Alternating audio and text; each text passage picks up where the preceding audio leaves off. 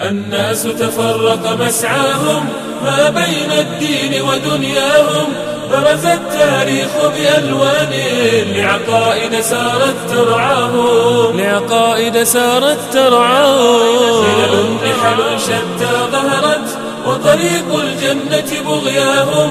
ورد الداعون مناهلها واختار الناس مشاردهم الناس تفرق مسعاهم ما بين الدين ودنياهم.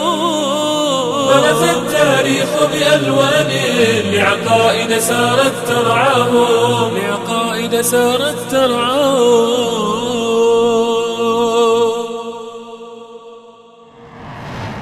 الحمد لله رب العالمين. وصلى الله وسلم وبارك على عبده ورسوله محمد وعلى آله وصحبه أجمعين. اللهم علمنا ما ينفعنا وانفعنا بما علمتنا إنك أنت العليم الحكيم.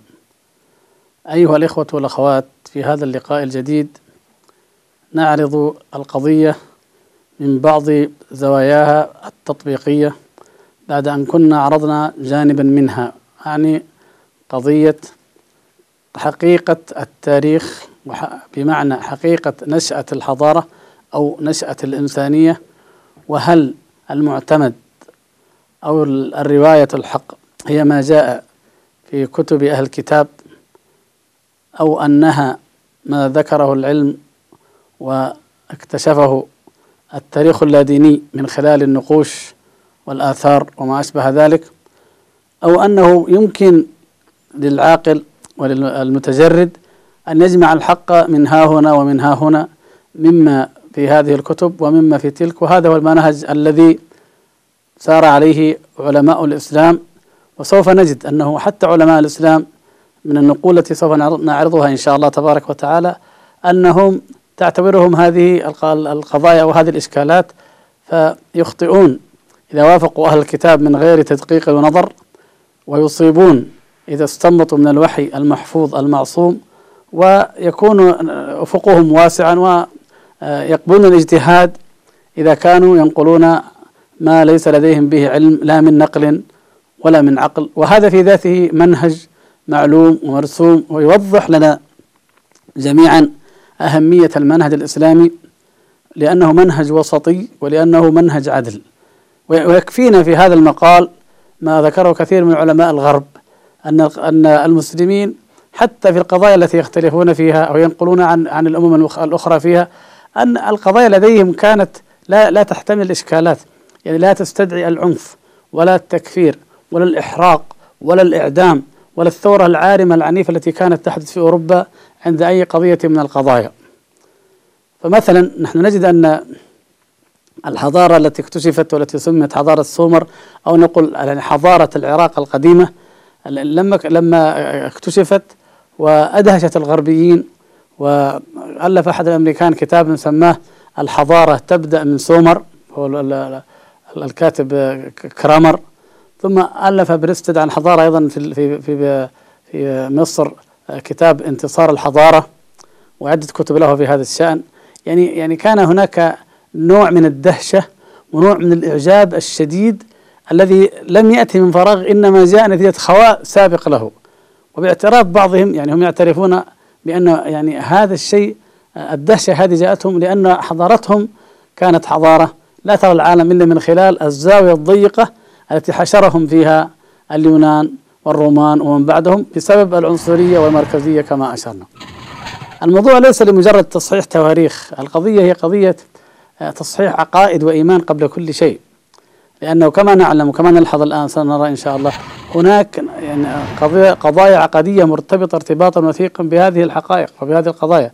فإذا كان الأصل في بني آدم في البشرية التوحيد وعبادة الله تبارك وتعالى وأن الله تعالى بعث فيهم أنبياء فعلموهم الكتاب والحكمة وحكموا بين الناس بهذا الكتاب فمعنى ذلك أن الأمر مضاد ومناقض تماما. لما يقوله البعض من أن هناك عصورا همجية وبدائية ووثنية في العصر الحجري أو فيما بعده وأن الناس ترقت شيئا فشيئا حتى عرفت التوحيد على أيدي بشر لا تنسب إليهم النبوة عند كثير من هؤلاء بل بعضهم لا لا, لا يؤمن بالنبوة أصلا والبعض يلمح إليها تلميحا. يعني القضية من هذا الناحية مهمة. القضية الأخرى أيضا يعني تتعلق بالعناية الربانية برحمة الله تبارك وتعالى للعالمين. هذا الخالق العظيم الذي يدبر هذا الكون وأحكمه وليس فيه أي هباء ولا ذرة إلا وفق قانون محكم. هل يمكن أن أن يظل أو أو يخلق الإنسان ويكرمه على الخلق ويدعه يعني هكذا سدى لا يؤمر ولا ينهى ولا يعلم أبدا؟ أم أنه كما جاء في في الكتاب الحكيم في القرآن أن الله تبارك وتعالى امتن على الإنسان بأن علمه. وهذا العلم علم بالقلم وعلمه أيضا قبل ذلك لما ذكر آدم عليه السلام وعلم آدم الأسماء كلها. فيعني أن المنطلق الإسلامي في هذه القضية ينطلق من أن الأصل في البشر هو العلم وهو المعرفة التي بها تفوقوا على الملائكة.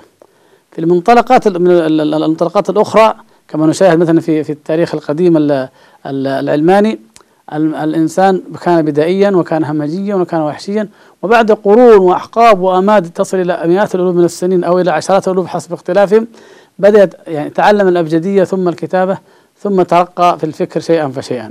يعني يعني النظرة مختلفة تماما. فإذا كنا نؤمن بالله سبحانه وتعالى أو يعني كل من يؤمن بالله في هذه في هذا الوجود فعليه أن يؤمن بأن حكمة الله تبارك وتعالى ونعمة الله ورحمته أعظم من ذلك. بل إنه علم الإنسان. فليس هناك على سبيل المثال من داع أن نفترض أن الإنسان جرب لكي يزرع. لما نقول جرب لكي يزرع؟ ولما نقول إن الله تعالى قد يعني علم الإنسان أن يزرع. وهذه مثلا من الأشياء التي اكتشفت حديثا الآن أن أصل الزراعة ليس في بلاد الرافدين ولا مصر وأن يقولون إن أن القمح والذرة كانت نباتات برية نشأت في جزيرة العرب ومنها انتقلت إلى هذه البلاد. وهذا يؤيد يعني بدون أن يعلم أصحابه هو ما نقوله أن العرب هي مهد الإنسان وكما سنوضح إن شاء الله في لقاء قادم أن مكة أول بلد والبيت الحرام أول مسجد وآدم عليه السلام أول مستوطن هذه المنطقة. والله تبارك وتعالى أنبت هذه الأشياء لهم ثم بعد ذلك علمه وترك الأمر إليه ليزرع. فالعلم وأيضا استخدام التقنية كل هذه الأشياء الذي يليق برحمة الله تبارك وتعالى أنه علم الإنسان منها القدر الذي يحتاج إليه ثم بعد ذلك يستمر. وجود عصور من الانحطاط الحضاري فيما بعد أو وجود أمم كما يقولون همجية أو حجرية وإن شاء الله نعمل لقاء خاص عن العصر الحجري هل هو ثابت أو لا وما حقيقته. المهم وجود أمم منحطة في, في هذا العصر كما يقال لا يدل على أنها أصل البشرية. ولا يعني ممكن جدا أن شعوبا كانت راقية ثم تنحط. ولذلك الله تعالى جعل هذه الأرض مكانا للابتلاء فتنحط من التوحيد إلى الشرك وتنحط من الهدى إلى الضلال وتنحط من التقدم أيضا واللباس إلى العري وإلى إلى الإسفاف وإلى الرذائل. هذا يعني يعني شيء معروف. لكن أن تكون أصل البشرية من الذي قال هذا؟ هذه نظرية وهذه افتراضات يعني باطلة حقيقة ويجب أن أن تقام الحجة على قائليها من جهتين من جهة العلم وهذا ما نخوض فيه إن شاء الله ونتحدث فيه ومن جهة مهمة جدا في في في, في نظري في نظر نحن المسلمين وأيضا عند من يؤمن بالله وهي ما الذي يليق برحمة الله وبعدل الله وبحكمة الله وبصفات الله تبارك وتعالى؟ إذا أثبتنا الله سبحانه وتعالى من يؤمن بوجود الله يعني ومن يؤمن بوجود الوحي والكتب فعليه أن يتجرد من هذا. فالذي حدث في كتب أهل الكتاب أنهم انحطوا إلى كلام الوثنيين ولم مع الأسف لم ترفع يعني لم يرفعوا هم مستوى الوثنيين من اليونان والرومان وغيرهم إلى مستوى الإيمان. كما فعل القرآن العظيم والأمة الإسلامية حينما رفعت مستوى هذه الأمم العظيمة في الشرق إلى مستوى الإيمان بالله سبحانه وتعالى والتوحيد والوحي والمعرفة فأبطلت بذلك كثير من هذه النظريات الباطلة التي لا أصل لها. يعني فلنأخذ نموذجا فقط يعني نموذجا في فيما نقول تطبيقيا من كلام الحافظ ابن كثير رحمه الله ونقارن بعض كلام الغربيين. الحافظ ابن كثير رحمة الله عليه في البداية والنهاية هذا الكتاب من أنفع الكتب وأفضلها في كتب التاريخ. عندما ذكر ترجمة نوح عليه السلام ابتدأ بأن يأتي بنسب نوح عليه السلام على طريقة أهل الكتاب. النسب الموجود في التوراة لأنه ما عند المسلمين غيره وقد يكون يعني في رأيه أو في رأي غيره أنه يعني من الذي أمر النبي صلى الله عليه وسلم أن يحدث عن بني إسرائيل فيه ولا حرج مثلا. المهم هذا شاهد لنظرية وطريقة معينة. ثم قال وعلى تاريخ أهل الكتاب المتقدم يكون بين ولد نوح وموت آدم 146 سنة. هذه النقطة المهمة. فإذا آه، يعني ذكر ونسب إليها الكتاب الذي سبق نبهنا إليه الخطأ الشديد الذي وقعوا فيه آه، عندما حرفوا الكتاب وما ذكروا هذا. ثم انتقل بدون يعني يشعرك بالنقلة بشكل مباشر ومفاجئ ويقول وكان بينهما عشرة قرون. إذا العشرة القرون تناقض قطعا الآن ما ذكر من هذه المدة وأخذ يفصل ذلك فاستند إلى الوحي.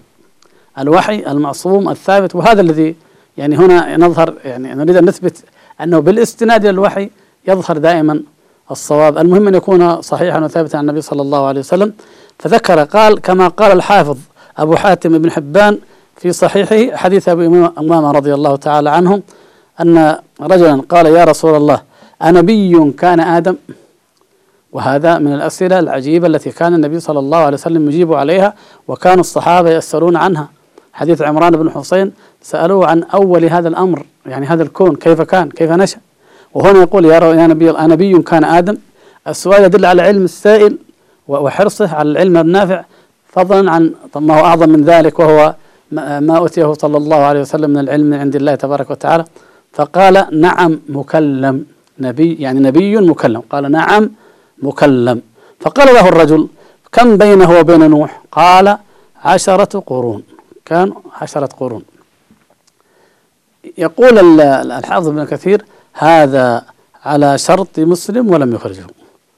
ثم ذكر في صحيح البخاري الأثر الذي سبق الإشارة إليه الموقوف على ابن عباس رضي الله تعالى عنه أنه قال كان بين آدم ونوح عشرة قرون كلهم على الإسلام. نقطة مهمة. يعني إضافة مهمة جدا من, من ابن عباس رضي الله تعالى عنه. وهذا الكلام مما لا يقال رجما بالغيب.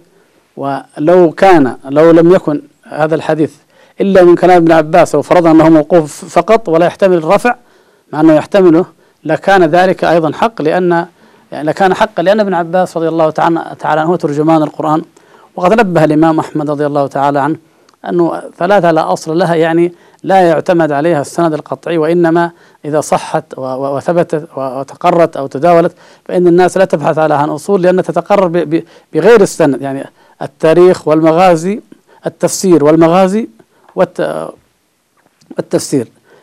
فالمغازي والسير. يعني بمعنى أن هذه هذا التفسير إذا جاء عن صحابي فعلى العين والرأس نحن نقبله إن كان من كلامه وإن كان من آه، مرفوع عن النبي صلى الله عليه وسلم يحتمل الرفع. إلا إذا كان آه، ما يخالف الكتاب أو السنة فالاجتهاد يرد بالنص. على كل حال فيقول يعني يبدأ ابن كثير رحمة الله تبارك وتعالى ويبين شيء يعني مهم جدا وهو يقول يعني ما المراد بالقرن؟ إذا ما المراد بالقرن؟ هنا ننتقل إلى المنهج الثالث والقضية الثالثة وهي إعمال العقل والإجتهاد والنظر والتفكير الصحيح في الوحي أو حتى في الآثار أو في النقوش فهذا يؤدي إلى العلم. يعني هذه وسيلة أو طريقة من طرق العلم النافع التي يجب على البشرية أن تفعلها. فهنا نحن نجد العقل المسلم هكذا. يعني نقل عن الكتاب نقل عن النبي صلى الله عليه وسلم ثم بدأ يعمل عقله ويقول ولكن ما كم القرن؟ فقال إن كان مئة عام كما يظنه كثير من الناس فإذا بين آدم ونوح عليه السلام تكون المدة كم؟ ألف عام.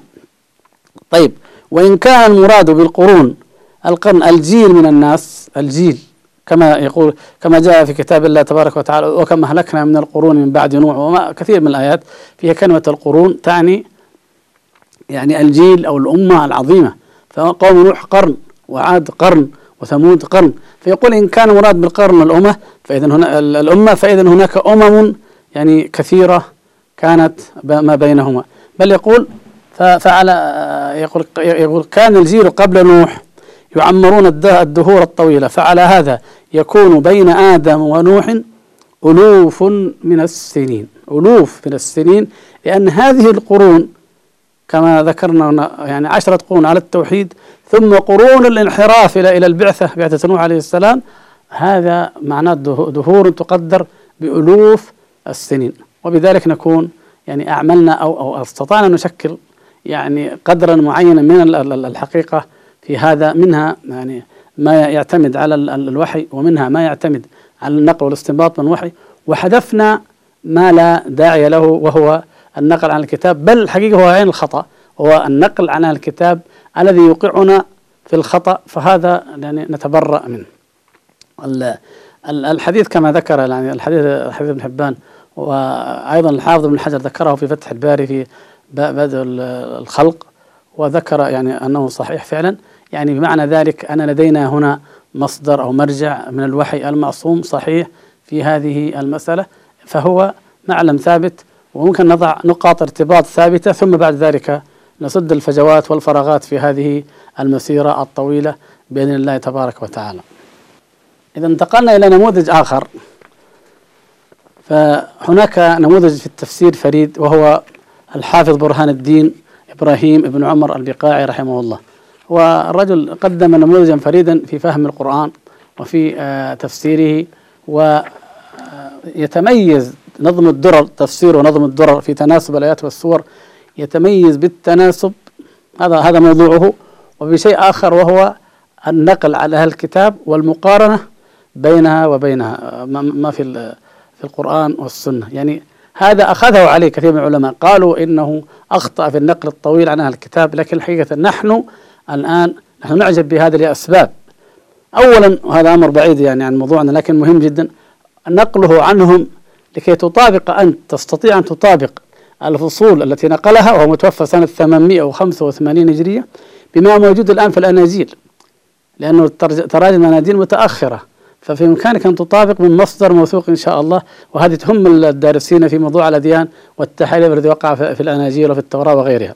هذه من ناحية. فهو يعني أحيانا أفرح أنه ينقل نقل أطول عشان أقارن الفصل هذا بما في طبعات الكتاب أو العهد الجديد والعهد القديم الطبعة الكاثوليكية أو البروتستانتية أو السامرية في أو غير ذلك يعني.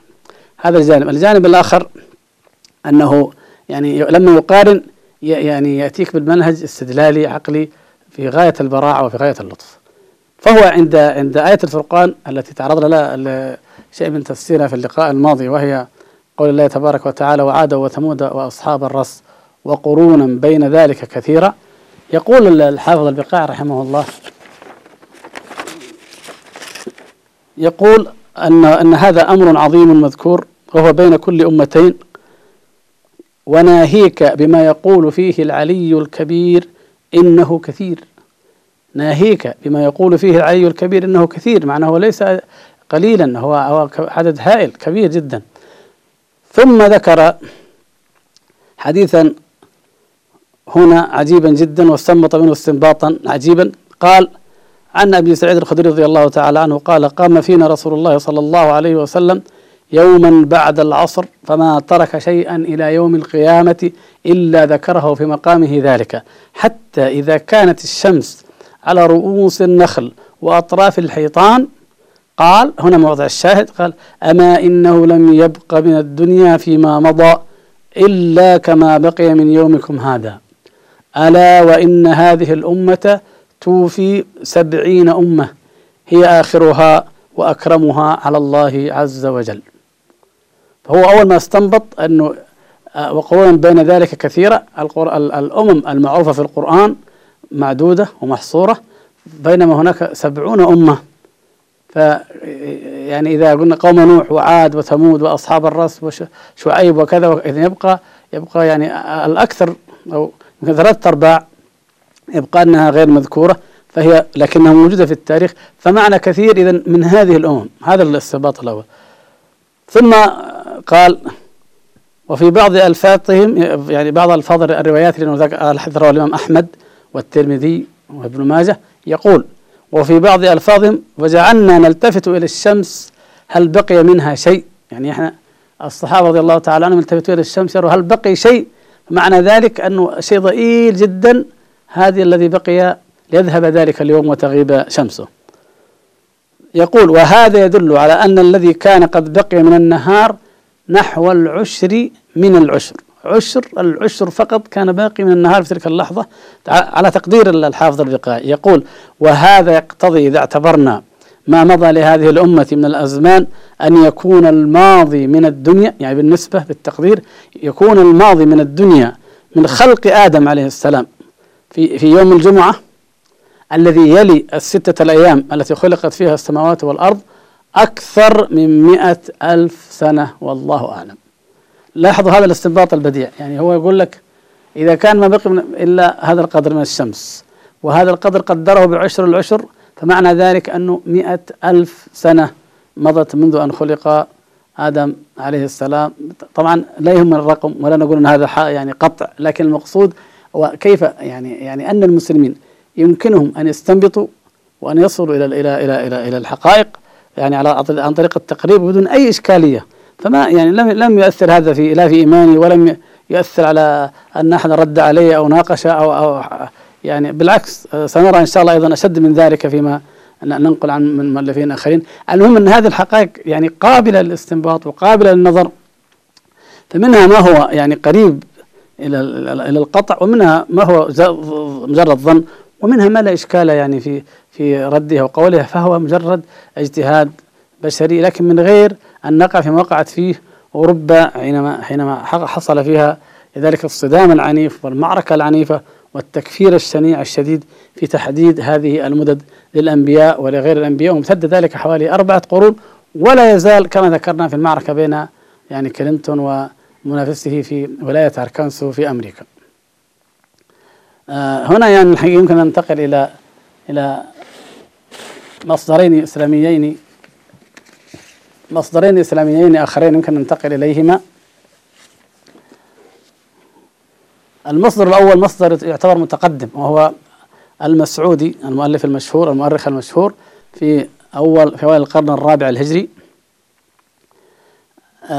الطرافة هنا أننا عندما نقلنا وذكرنا أن حضارة بلاد ما بين النهرين لها تاريخ أسطوري هائل جدا وأن الملوك العشرة أو القرون العشرة حكموا 432 ألف سنة وأن بعض ملوكهم حكم أكثر من 60 ألف سنة.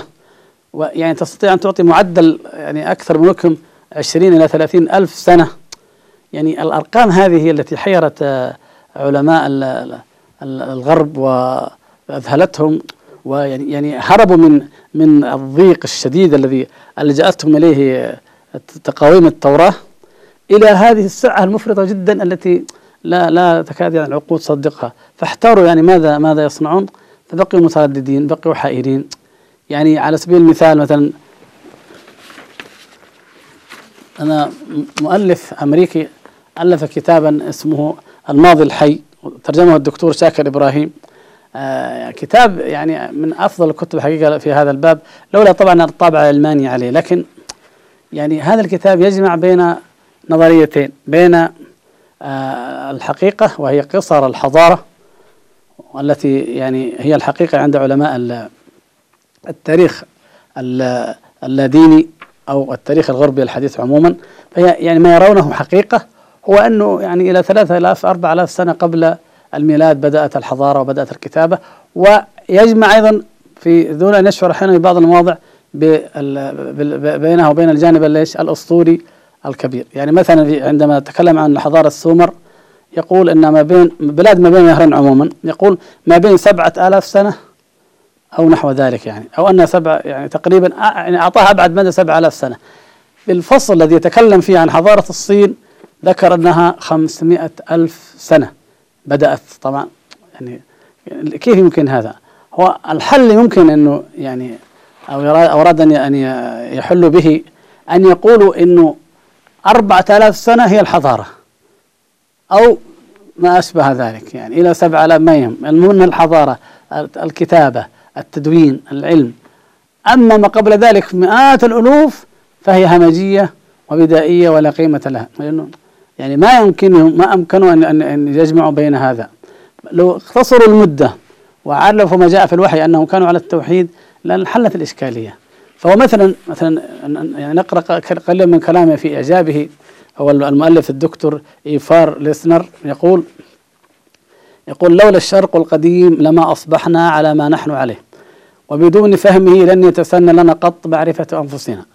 لقد انتقلت إلينا من السومريين مظاهر حضارية كثيرة عن طريق الأشوريين والبابليين والمصريين واليونان والرومان. وكشفت الحفريات في بلاد ما بين النهرين عن جذور تطورنا الفكري والروحي. إن الأبجدية يعني الحروف الأبجدية التي نعرفها وعقيدتنا الدينية ونظامنا القانوني وفنوننا إنما رسمتها جميعا أو رسمت جميع من قبل رسمتها جميعا من قبل عملية تطور طويلة. فمن بلاد ما بين النهرين ومن السومريين جاء ما يمكن أن يعتبر نقطة انطلاق حاسمة في تاريخ الحضارات جميعا ألا وهو فن الكتابة. ثم يبدأ يقول يعني يعني كيف أن يعني آه الذي ألف كتاب تاريخ العالم وأصدر مجلدات منها قبل الحرب العالمية الأولى يقول عن تاريخ السومريين إننا لا نعرف عنه شيئا. يعني أدهشتهم يعني هذه الاكتشافات ولم يستطيعوا التوفيق بين 500 ألف سنة من حضارة وجدت أو آثار حضارة وجدت كما يعني يدعون ويزعمون وبين 4000 سنة ونحوها التي فيها الكتابة. فسدوا هذا الفراغ من أن افترضوا أن ما قبل ذلك ما قبل 4000 سنة إلى 500 ألف سنة كله عصر بدائي لا كتابة فيه وإنما هو همجية ورعاء هنا نرجع للمسعودي نجد المقارنة. شيء عجيب جدا يعني حقيقة. من أين من أين رجع المسعودي يعني يقول نقل عن كتبهم. ذكر أن آه، العنوان ملوك بابل المعروفين بالكلدانيين ملوك بابل هؤلاء القدامى جعل أولهم هو نمرود الجبار وكان ملكه نحوا من ستين سنة. ستين سنة وهناك كم؟ قرينا كم؟ ستين ألف سنة مثلا. يعني ثم إلى أن كمل وبعده بولو أو بولوس سبعين سنة وبعده فلان مئة وبعده فلان عشرين إلى خمسة عشر إلى عشر إلى سنة واحدة إلى فذكر أكثر من أربعين ملكا وكل التواريخ معقولة وعادية جدا وممكن أن تكون يعني وقعت ولم يشر إلى شيء من من من ذلك. وهو يرجع أو يقول أنها يعني قرأ ذلك من كتبهم. يعني هل هذا اطلع على كتب لم يطلعوا عليها أولئك. لماذا لم يطلع غابيون عليها من قبل؟ يعني آه، إيش يعني ما هي المفارقة العجيبة في هذا؟ ف يعني التاريخ الإسلامي أو النظرة الإسلامية دائما يدها معقولة وقريبة. يعني مثلا أفريدون على سبيل المثال يعني هو الذي وجدت مبالغة في في في كلام المسعودي عنه يقال إنه حكم 500 سنة. يعني الرقم آه، يعني غريب جدا ونحن نفترض إنه خطأ بدون يعني نقاش تقريبا. لكن القضية إنه فرق بين قال 500 وبين الذي جعلها 60 ألف سنة. يعني هناك الخطأ يمكن يكون الخطأ هنا وهنا مشترك لكن هناك خطأ فاحش بعيد التصور وهناك خطأ معقول. يعني الله أعلم يعني يكون قريب من الحقيقة أو شيء من هذا. المقصود أنه من المنهجية التي سار عليها علماء المسلمين في هذا نجد أنه يعني تعطينا تلقي الضوء على المصادر وأنها كانت قريبة ومعقولة أن لديهم مصادر نقلية وحتى آه، ما يسمى المصادر الحديثة من قراءة الكتب عفوا من قراءة النقوش القراءة المكتوب على الحجارة وما أشبه ذلك. كان موجودا ومعروفا في مواضع كثيرة من تاريخ دمشق لابن عساكر. نجد أنه وجد حجر وقرأه فلان أو قرأه كعب وقرأه غيره. وفي أول أيضا سيرة ابن هشام في في الحجر المنقوش تحت المنبر يعني بيت من الشعر أنه يعني حجر منقوش تحت المنبر فكانت النقوش معروفة وكان قراءة الكتابة والخطوط القديمة معروفة فمصادرهم قد تكون من هذا ومن هذا وإن كانوا طبعا لم يستطيعوا حل الرموز بعض اللغات القديمة نعم يعني لا المسعودي ولا المقريزي ولا غيره إنما يرون الأهرام ويرون يقولون هذه صور حيوانات أو يعني ما يدرون ما هي أنها أنها حروف أو أنها خطوط قديمة. جهلهم بهذا لا يجعلنا نحط من قدرهم بقدر ما نجل ونقدر فيهم أنهم من آه، وسائل يعني قليل. لا نملك نحن الكثير منها. يعني استنبطوا وكتبوا كلاما قريبا من الحقيقة التي يمكن أن تصدق في العقل مجرد بغض النظر عن الواقع التاريخي. ملل نحل شتى ظهرت وطريق الجنة بغياهم ورد الداعون مناهلها واختار الناس مشاردهم. قبل أن ننقل كلام الإمام المقريزي في الخطط ونبين مزيته التاريخية والعلمية في المعرفة آه، نحاول الآن أيضا أننا نجعل القضية قضية مقارنة بشكل أشمل. يعني آه، سوف نأتي بدائرة معارف غربية حديثة دقيقة في النقل تقرير يعني معتمدة وننقل من كتاب مدرسي معروف ومنتشر بين أبنائنا وأيضا نشوف كلام الحافظ المقريزي في هذه القضية. آه نبدأ بالحافظ المقريزي رحمه الله. هو يعني عرضا في الحقيقة لأن الكتاب الخطط هو عن مصر بالذات يعني. عرضا تعرض للتواريخ التي كانت الأمم تؤرخ بها من يعني استطرادا من تاريخ القبط وغيره. فأتحدث حديثا عجيبا طويلا نقل عن من قبله يعني يشمل من قبله ونقل على اختلاف المناهج. نقل من يرى الأماد البعيدة بدون تحفظ ونقل من أدق الفقهاء وأشدهم حزبا في هذه المسألة وهو ابن حزم رحمة الله تبارك وتعالى عليه. وأصل تأصيلا عظيما وقال يعني أولا أنه الذي لي ما ليس لدينا فيه علم من الكتاب والسنة فهو احتمال ونحن نريده. الأمر الثاني أنه عندما أورد التواريخ والآماد الطويلة التي نعرض جانبا منها قال يعني لا لا ينبغي للعاقل أن يبادر بانتقاد أهلها أو بشيء من ذلك. أنا بينت يعني ما أخذهم حتى لا يبادر العاقل إلى ذلك. يعني احترام للرأي الآخر وإن كان أمادا بعيدة لأنه ليس لدينا في ديننا ما ينفيه ما يجعله آه، يعني باطلا بشكل قطعي. فينبغي أن يؤخذ في هذا الإطار في يعني كيف ليعلم من أين أخذهم الذي أخذوه. ثم عندما انتقل إلى كلام ابن حزم رحمه الله ختم به فكأنما هو الخاتمة وفعلا هو كلام قيم وثمين سنأتي عليه إن شاء الله تبارك وتعالى. ابتدأ الحافظ المقريزي يتحدث عن البراهمة. البراهمة يعني لما قرأ الغربيون كلامهم ادهشوا يعني وذهلوا جدا جدا كما في تاريخ القرن السادس عشر وإلى العشرين. لكن نحن في التاريخ الإسلامي عادي جدا يعني هو نقل من كلام الكتب التي تقدمته فيعني ليس هناك أي مشكلة في أن يكون عندهم هذه الأعداد وهذه و يعني البيروني مثلا نقل عن البيروني المسعودي أيضا بعض كلام مطابق له ونقل عن كثير منهم من أشار إليه منهم من لم يشير إليه. فعلى سبيل المثال بعد أن ذكر كلامهم في أزمنة وأحقاب كونية متوالية وكل حقبة عشرة آلاف سنة. مثلا بيقول لك إيش؟ المدة العظمى على هذا ثلاثة آلاف ألف ألف ألف سنة وستمائة ألف ألف ألف ألف سنة. يعني يعني تقدر تقول يعني 600 مليار سنة وثلاثة مليارات سنة. يعني كلام غريب جدا. يعني ما يمكن. ولذلك عقب عليه بقوله ولله غيب السماوات والأرض وإليه يرجع الأمر كله. ثم قال وإنما ذكرت هذا شيء يعني ليعلم المنصف أنهم لم يضعوه عبثا. يعني هم وضعوه افتراضا مبني على فرضية وليس هكذا ارتجالا. نحن لا نقر هذه الفرضيات نعم لكن يقول حتى يعني نعلم نعلم ذلك ونعلم أنه هذه الأمم وضعت هذه التاريخ والأعماد البعيدة اللي البراهمة وكذلك قريب منهم الصين. يرجع إلى أبو معشر الذي كان في, في الإسلام ويقول وزعم قوم من الفرس على كلام أبي معشر أن عمر الدنيا سبعة آلاف سنة. يعني شوف من هذا الرقم إلى الرقم الآخر. وقال قوم تسعة آلاف وقال قوم واحد وعشرون ألف وقال قوم ثمانية وسبعون ألف. فكل أقوال بغير علم ولا دليل عليها ولا صحة لها إلا أن ما أخذهم فيها هو الأبراج والكواكب والطوالع وسوف نشرح إن شاء الله في لقاء قادم.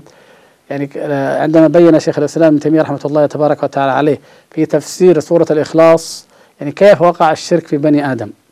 فوقع الشرك كما سبق في قوم نوح ولما صوروهم لكن يعني كيف وقع الشرك في قوم إبراهيم عليه السلام؟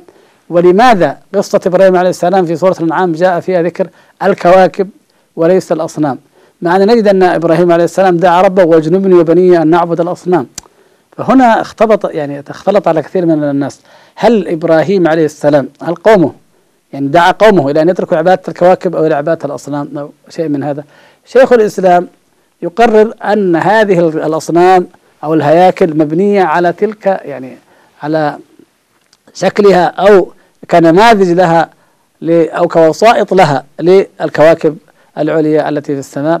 ف يعني عبدت الأصنام وعبدت الحجارة لتكون رموزا للمعبودات الأكبر عندهم وهي الكواكب التي تتحكم في الكون.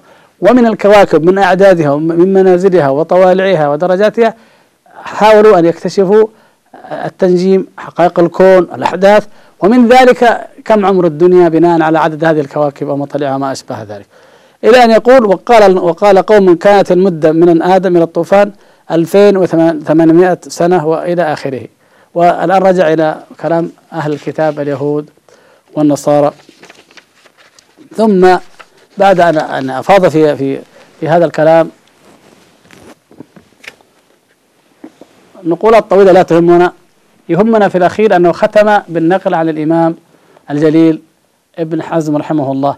وابن حزم هو الذي كما أشرنا في اللقاء السابق يعني هو الذي آه، من طريقه من كلامه في الفصل تسرب إلى أوروبا كما في رسالة آه، اسبينوزا رسالة في اللاهوت والسياسة وغيره النقد التاريخي أول ما عرفت أوروبا النقد التاريخي للعهد القديم.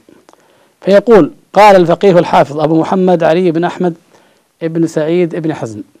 وأما اختلاف الناس في التاريخ فإن اليهود يقولون أربعة آلاف سنة والنصارى يقولون الدنيا خمسة آلاف سنة.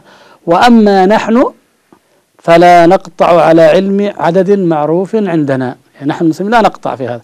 بل نقطع أن للدنيا أمدا لا يعلمه إلا الله تعالى. قال الله تعالى ما أشهدتهم خلق السماوات والأرض ولا خلق أنفسهم. وقال رسول الله صلى الله عليه وسلم ما أنتم في الأمم قبلكم إلا كالشعرة البيضاء في الثور الأسود أو كالشعرة السوداء في الثور الأبيض.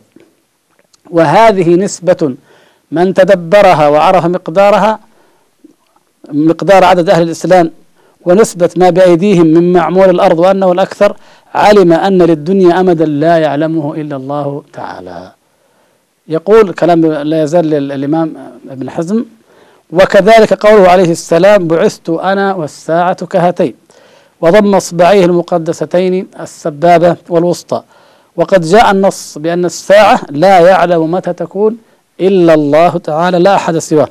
فصح أنه صلى الله عليه وسلم إنما عنا شدة القرب لا فضل السبابة على السباحة. إذا لو أراد ذلك لأخذت آه، يعني النسبة إلى آخره. ثم يقول وأيضا لو كان يريد ذلك يقول فإن, فإن حديث الحديث الذي قبله لا يكون لا لا ينطبق وهو حديث كالشعر البيضاء في الثور الأسود. قال ابن حزم رحمه الله وله صلى الله عليه وسلم منذ بعث أربعمائة عام ونيف. في أيام ابن حزم رحمه الله. والله تعالى الله تعالى أعلم بما بقي من الدنيا.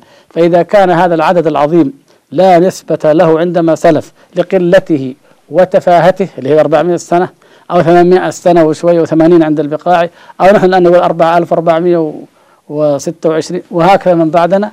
يقول إذا كان هذا لقلته وتفاهته إلى مضى فهو فعلا من فنحن فعلا كالشور كالشعرة في الثور أو الرقمة في ذراع الحمار. قال وقد رأيت بخط الأمير أبي محمد عبد الله بن الناصر قال حدثني محمد بن معاوية القرشي أنه رأى بالهند بلدا له اثنتان وسبعون ألف سنة. وقد وجد محمود بن سبكتكين الذي فتح الهند الفاتح العظيم ووجد مدينة يؤرخون في الهند مدينة يؤرخون بأربعمائة ألف سنة. قال أبو محمد إلا أن لكل ذلك أولا ولا بد ونهاية. لم يكن شيء من العالم موجودا قبله. يعني مهما قلنا بتقادم الأزمان فإن الله تعالى خلق هذا الكون ابتدأ خلقه ولم يكن موجودا قبل أن يخلقه تبارك وتعالى يعني يكذب رحمه الله يكذب الملاحدة ويكذب المفترين ولا يتمك يقول الآمال. قال ولله الأمر من قبل ومن بعد والله تعالى أعلم. إذا نجد عندنا أحقاب وأماد بعيدة ونجد يعني موقف واضح للعلماء من هذه الأحقاب والآماد ونجد العلماء دائما يجعلون يعني نقاط ارتباط ثابتة بالأحاديث الصحيحة ليصلوا إلى نظر تقريبي في هذا الموضوع. فهذا يعني يعني هذا الشأن العام في التاريخ الإسلامي قبل ظهور العلم الحديث. ما الذي نجده في العلم الحديث؟ هذا الذي نريد أن نمثل به آه كما قلنا دائرة معارف باللغة الإنجليزية معروفة آه وضحت تاريخ الخليقة وليس فقط ليس فقط تاريخ الإنسان لا هي جاء بالتاريخ الخليقة بشكل مختصر كما يزعمون. يبتدئ حسب أول ما يبتدئ من اليسار اليمين بثلاثة ملايين وخمسة من ثلاثة وخمسة من عشرة عفوا بلايين بليون يعني مليار. ثلاثة وخمسة من عشرة بليون سنة سابقة وهي أول الحياة البدائية في نظرهم كما تقول نظرية التطور. ثم يتطور ويتدرج كما تلاحظون يتدرج ويتطور ويتطور إلى أن تصبح آخر رقم عشر ألاف سنة. يعني شوف النسبة الهائلة مليارات هنا وهنا فقط عشرة آلاف سنة وهنا نجد صورة البشر بشكلهم الحقيقي الذي الحالي ولكنهم عراه رجل امرأة عراه ويشون على النار كما يظنون أنه هذا هو بداية الإنسانية عارية وهمجية ويعني اكتشاف النار وبداية الحضارة يعني نوعا ما عندهم اكتشاف فقط عشرة آلاف سنة. يعني هذا الأمد يرونه الآن العلم الغربي الآن يرى كأنه حقيقة أو أشبه ما يكون بالحقيقة ومن خلال قضايا يعني نحن الحقيقة لا لا يمكن أن أن أن, أن ننكر أن هناك آليات لهذا. لكن هل بهذا الرقم هل بهذا الدقة؟ طبعا الله أعلم تختلف فيها الآراء. وهي عبارة عن الساعات التي يحسبون بها ومن أهمها الكربون. لعل في حلقة قادمة إن شاء الله يأتي الحديث عن كيف يحسب عمر الصخور أو عمر العظام أو ما أشبه ذلك من خلال الكربون بالذات. فنرجع إلى مثال آه، أو الفقرة مثال ثالث يعني نحن قلنا هذه دائرة معارف غربية نرجع إلى كتاب مدرسي بسيط جدا وهو كتاب علم الأرض للصف الثالث الثانوي قسم العلوم الطبيعية الذي تقرره وزارة التربية والتعليم في المملكة العربية السعودية فماذا نجد؟ نجده يتكلم ومن خلال الاستدلال بالكربون المشع وغيره يعني من من الساعات النووية إلى أن عمر الأرض يزيد عن أربعة آلاف وستمائة مليون سنة. أربعة آلاف وستمائة مليون سنة يعني أربع مليارات وستمائة. وهو ليس كما في دائرة المعارف هنا. طبعا هنا ليس عمر الأرض لكن يفترضون أن الأرض قبل بداية الحياة. فهذه هذه النسب التي يعني كما نراها التفاوت بينها آه، كبير لكن ليس فقط القضية قضية التفاوت هي القضية هي قضية أين نجد المصدر الحق يعني كيف نتخذ الوسيلة الصحيحة للمعرفة؟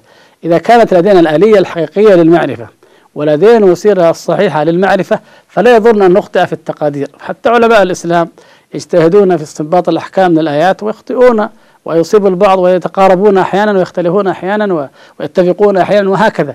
لكن المشكلة كما نرى نحن نجد هناك يعني يعني تراث هائل أكوام هائلة أرقام يعني متباينة تباين شديد جدا. ومع ذلك فإننا نستطيع من خلال هذا الظلام هذا الركام أن نجمع بصيصة من النور مع شيء من النور مع شيء من الاستدلال العقل الصحيح حتى نصل إن شاء الله تبارك وتعالى إلى الحقيقة. ونجد أنه أن نجد أنه على كل حال وعلى كل الافتراضات ليس في الكتاب ولا في السنة ما يخالف الحق على الإطلاق بل نجد أنه ما ثبت في الكتاب والسنة الصحيحة فهو حق مطلق مهما تطورت العلوم فإنها تخدمه وتؤكده. ومن هنا نؤكد أو نعيد المثال الذي ذكرناه في الحلقة وفي اللقاء الأول وهو أن الذي استأجر المحامي والذي دفع النفقة والذي نقب عن الملفات والذي فعل كل شيء من هذا هو العدو ومع ذلك هو بنفسه يثبت أن هذا الدين حق. كما قال الله تبارك وتعالى سنريهم آياتنا في الآفاق وفي أنفسهم حتى يتبين لهم أنه الحق. أسأل الله الكريم رب العرش العظيم أن ينفعني وإياكم بهذا الكتاب وهذا النور المبين أنه على كل شيء قدير. والحمد لله رب العالمين وصلى الله وسلم وبارك على عبده ورسوله محمد. الناس تفرق مسعاهم ما بين الدين ودنياهم. برز التاريخ بألوان لعقائد سارت ترعاهم. لعقائد سارت ترعاهم. خلل نحل شتى ظهرت وطريق الجنة بغياهم. ورد الداعون مناهلها واختار الناس مشاردهم الناس تفرق مسعاهم ما بين الدين ودنياهم. برز التاريخ بألوان لعقائد سارت ترعاهم. لعقائد سارت ترعاهم.